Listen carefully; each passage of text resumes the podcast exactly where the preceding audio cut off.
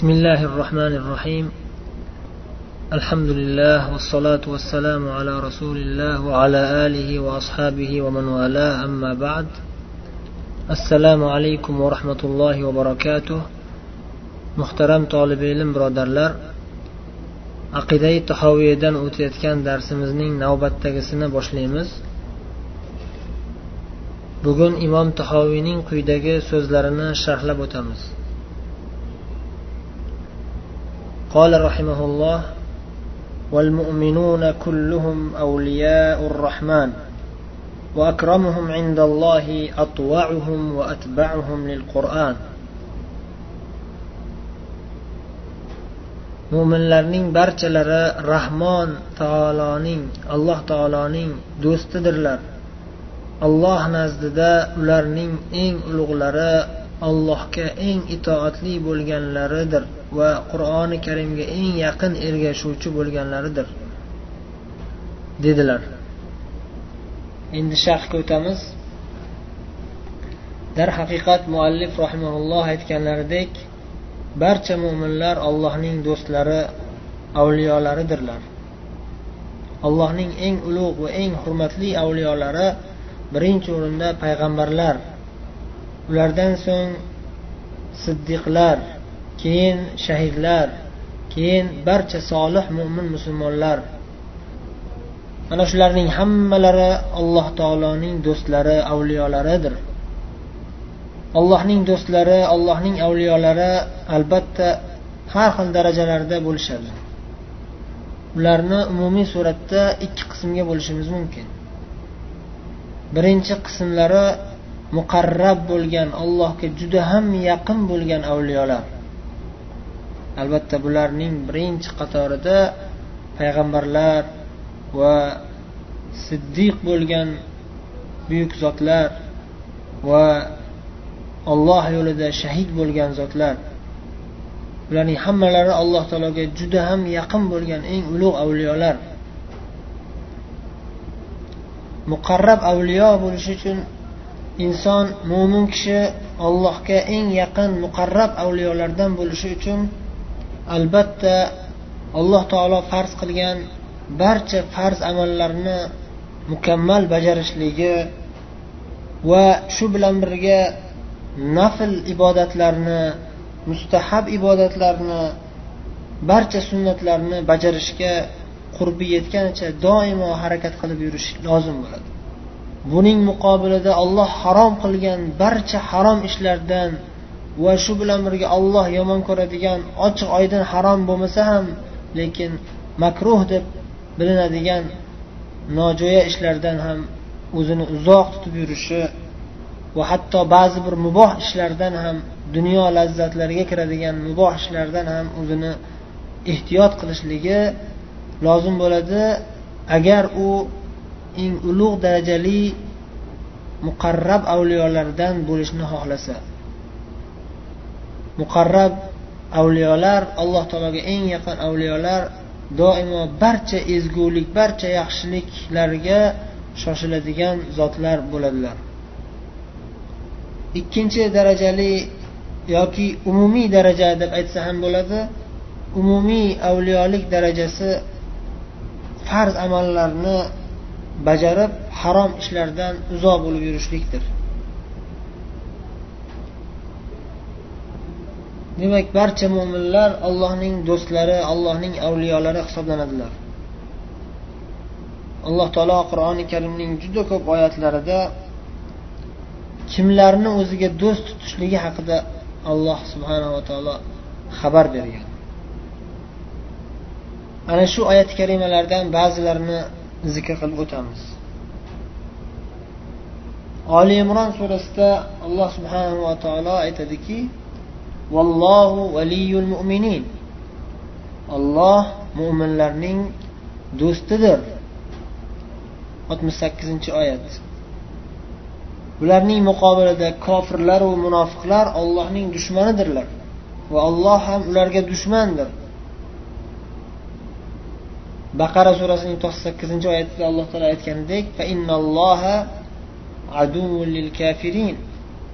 bas shak shubhasiz alloh subhanava taolo kofirlarga dushmandir. Yana alloh subhanava taolo yunus surasining oltmish ikkinchi oltmish uchinchi oyatlarida aytadiki ala inna awliya alloh la xawfun alayhim va la hum yahzanun allazina amanu va kanu yattaqun. Ogoh bo'lingiz kim? Allohning do'stlariga hech qanday xavfu xatar ham bo'lmaydi. Va ular hech qachon g'amgin ham bo'lishmaydi. Ayniqsa oxiratda bu xislatlari butun haloyiq ko'z o'ngida zohir bo'ladi. Kim allohning avliyolari? Allazina amanu va kanu yattaqun. Iymon keltirgan va alloh taolodan taqvo qilib yurgan zotlardir deb alloh taolo yuqoridagi oyatda zikr qilingan avliyolarni sifatlarini bayon qildi. Ya'ni avliyolar kimlar? Avliyolar alloh taologa iymon keltirgan zotlar va butun hayotlarida allohdan taqvo qilib yashagan zotlar. Mana shular eng mukammal avliyolar. Yana alloh subhanahu va taolo baqara surasining ikki yuz ellik yettinchi oyatida ham aytadiki allohu valiyullazina amanu yukhrijuhum minaz zulumat ilan nur. والذين كفروا أولياؤهم الطاغوت يخرجونهم من النور إلى الظلمات الله iymon keltirgan zotlarning do'stidir ularni olloh azza va jalla iymon keltirgan zotlarni zulmatlardan nurga olib chiqadi kofir bo'lgan kimsalarning esa do'stlari tog'utdir shayton va shaytonga yaqinlashtiradigan barcha tog'utlar kofirlarning do'stlaridir. Bu tog'utlar kofirlarning avliyolari do'stlari bo'lgan tog'utlar ularni nurli nurlikdan yorug'likdan zulmatlarga olib kirib ketadilar.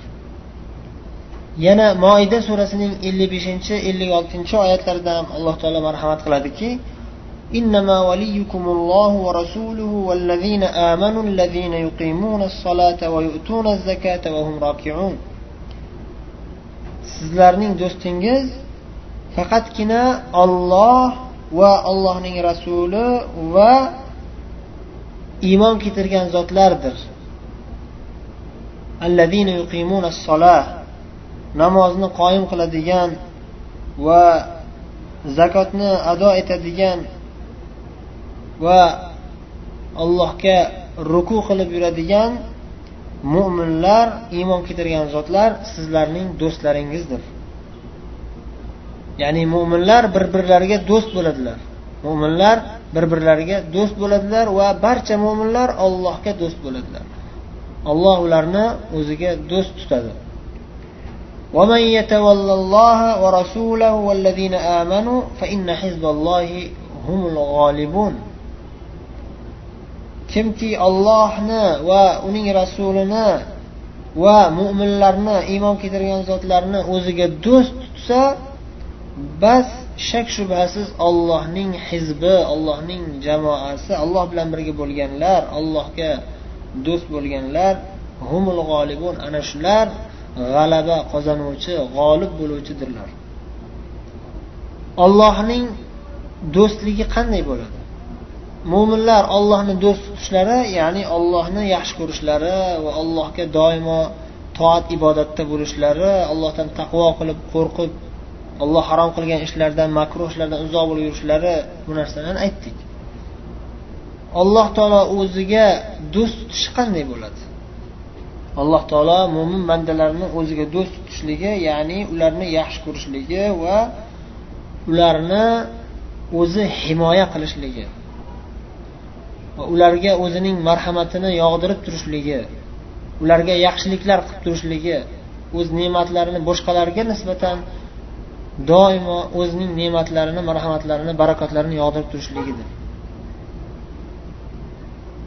Lekin alloh subhanava taolo hech kimga muhtoj emas.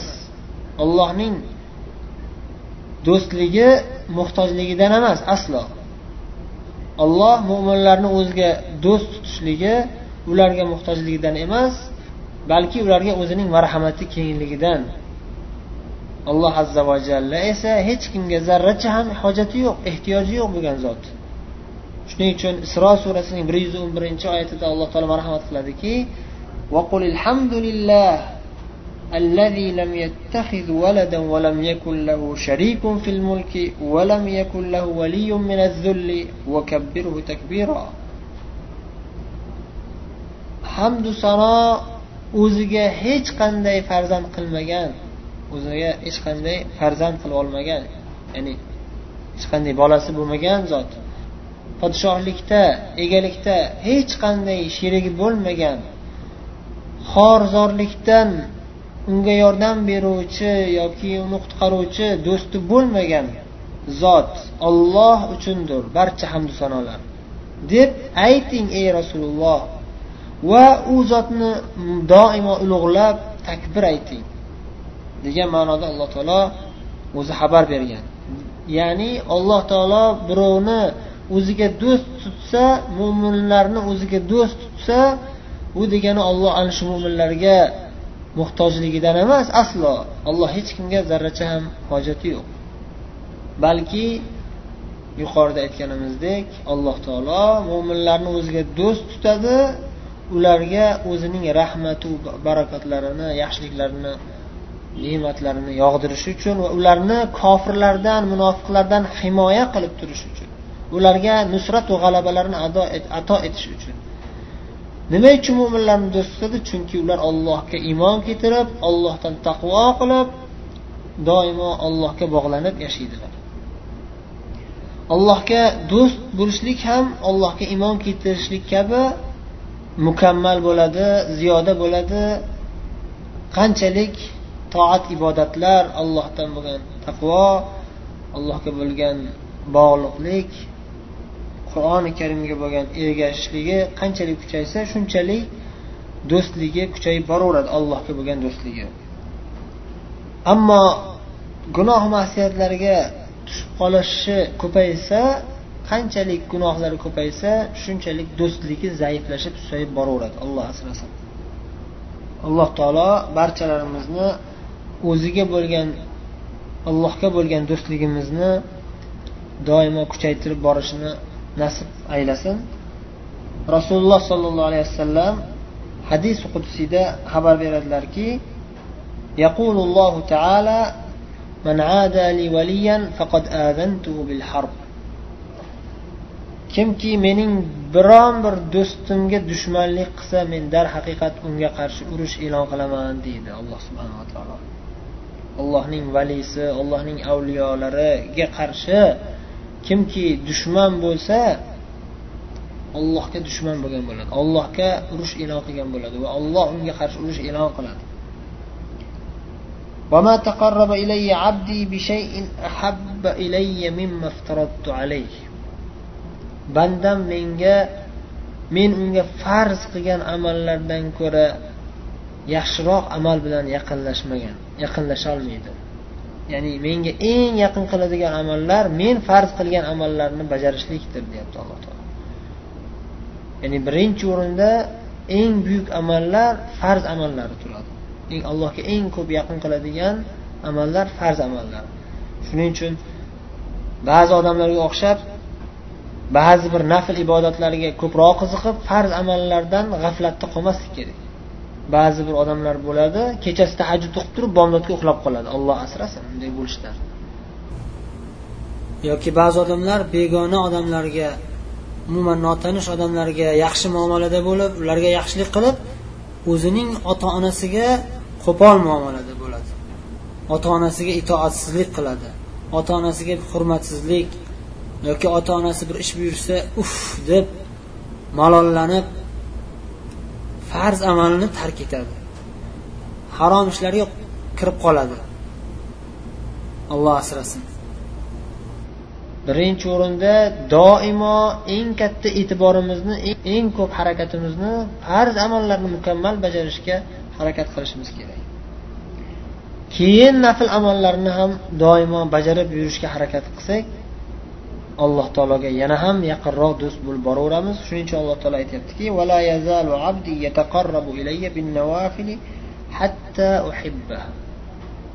va farz amallarini bajargandan keyin bandam menga nafl ibodatlarni bajarishlik bilan yaqinlashaveradi yaqinlashaveradi. Hatto men uni shu darajada qattiq yaxshi ko'ramanki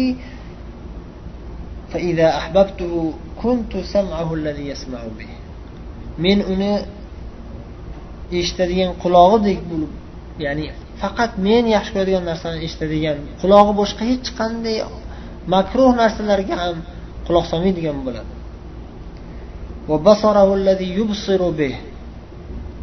Ko'zi bo'laman ko'radigan ko'zi bo'laman deydi. Ya'ni faqat ollohni rozi qiladigan narsalarga qaraydigan bo'ladi.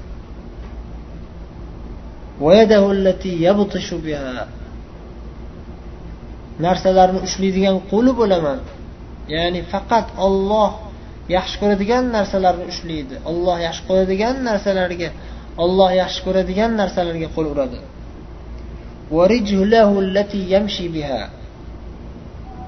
Qadamini tashlaydigan oyog'i bo'laman deydi. Ya'ni olloh yaxshi ko'rgan narsalarga qadam tashlaydi. Olloh yaxshi ko'rgan joylarga boradi. Agar u bandam mendan nima so'rasa albatta men qabul qilib unga beraman. Duosini qabul qilib men unga beraman. Bu bandam mening menga eng yaqin do'st bo'lgan bandam mendan panoh so'rab nimadan qutqarishimni so'rasa men albatta unga panohimni beraman. Men uni barcha yomonliklardan qo'rqayotgan narsalardan men uni himoya qilaman qutqaraman deydi. Ila hadis. Alloh taolodan taqvo qiladigan haqiqiy ollohning do'stlariga olloh azza va jalla bu dunyoda ham doimo o'zi yordamchi bo'ladi. Barcha qiyinchiliklardan o'zi o'zi xohlaganday hikmatiga binoan va marhamatiga binoan qutqarib olib chiqadi. Alloh taolo taloq surasining ikkinchi uchinchi oyatlarida aytadiki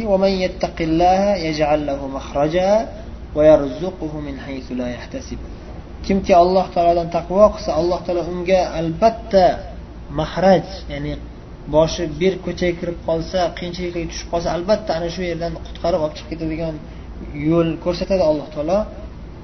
Qutqaradi va unga o'zi o'ylamagan tarafdan olloh o'zi rizq beradi deb aytadi. Ya'ni allohdan taqvo qilib haqiqiy mo'min bo'lgan bandalarga alloh taolo mana shunday barcha qiyinchiliklardan o'zi qutqarib yordam beradi. Hatto alloh taolo o'zining avliyolariga o'zining do'stlariga shunday marhamatlarini karomatlarini beradiki insonlar tasavvur qilolmaydigan xuddi mo'jiza kabi mo'jizalarga o'xshash karomatlar beradi alloh taolo. Bu haqida hali imom tahoviy yana kitobning oxirrog'ida ham aytadilar. ولا نفضل أحدا من الأولياء على أحد من الأنبياء ونقول نبي واحد إلى آخر ما قال bu mavzuga yana imom tahoviy kitobni oxirrog'ida qaytadilar avliyolardan birontalarini bironta payg'ambardan afzal deb bilmaymiz aslo balki aytamizki bitta payg'ambar barcha avliyolardan ulug' turadi afzal turadi va avliyolarga allohning do'stlariga berilgan nasib bo'lgan karomatlardan bizga xabari kelgan xabarlarga ham ishonamiz deydilar sahih rivoyatlar bilan ishonchli insonlardan kelgan xabarlarga qissalarga biz ishonamiz deb aytadilar. Ya'ni alloh taolo o'zining avliyolarini mana shunday karomatlar bilan ulug'lab himoya qilib turadi. Ularga o'zining karomatlarini berib turadi marhamatlarini yog'dirib turadi. Insonni hatto hayoliga kelmaydigan juda ajoyib ajoyib karomatlar beriladi. Bunday avliyolar islom tarixida juda ham ko'p bo'lishgan ularga berilgan karomatlar ham juda ham turli juda ham ko'p bo'lgan. Bular haqida balki u qissalar haqida balki inshaalloh boshqa darslarimizda o'tamiz. Keyin imom tahoviy aytdilarki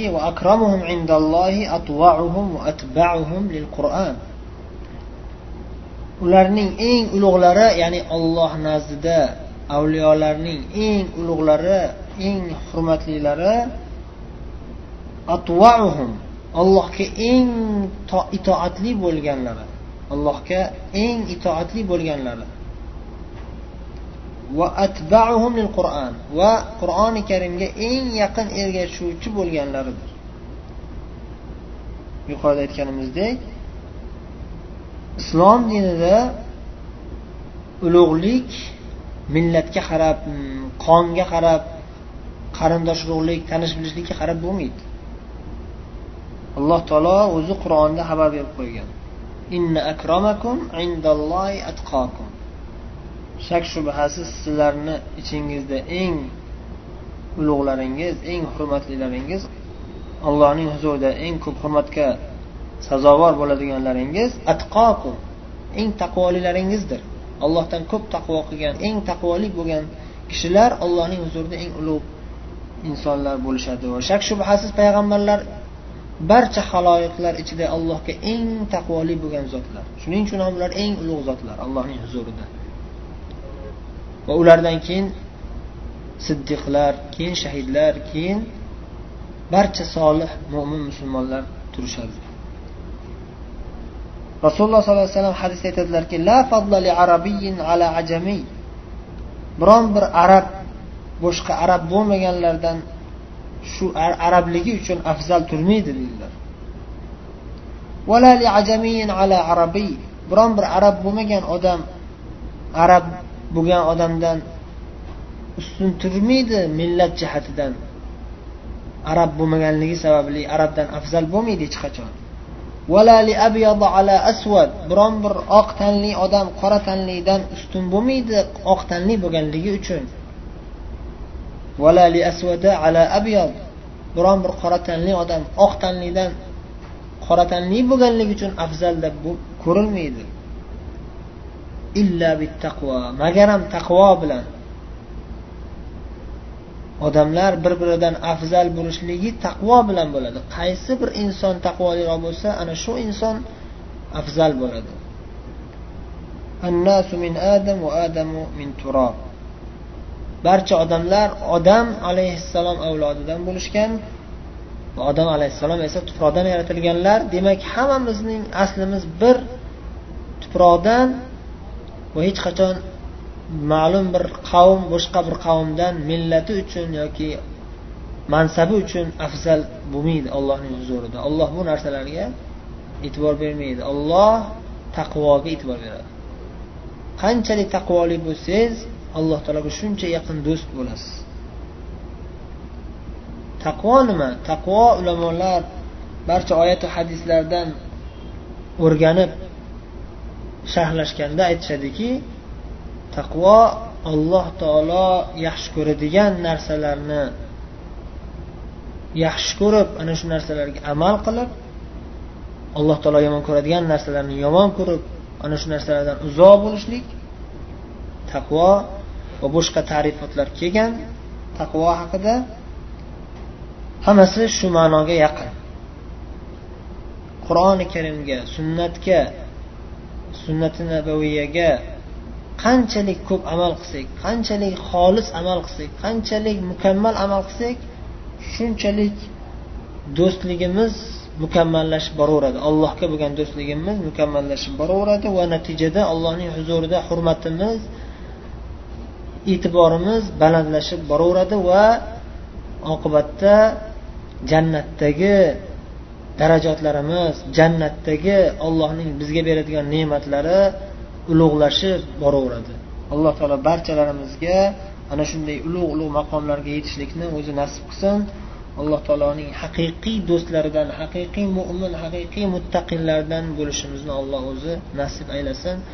Bugun shu bilan kifoyalanamiz. Vallohu alam va sallallohu vasallam ala nabiyina muhammad. Assalomu alaykum va rahmatullohi va barakatuh.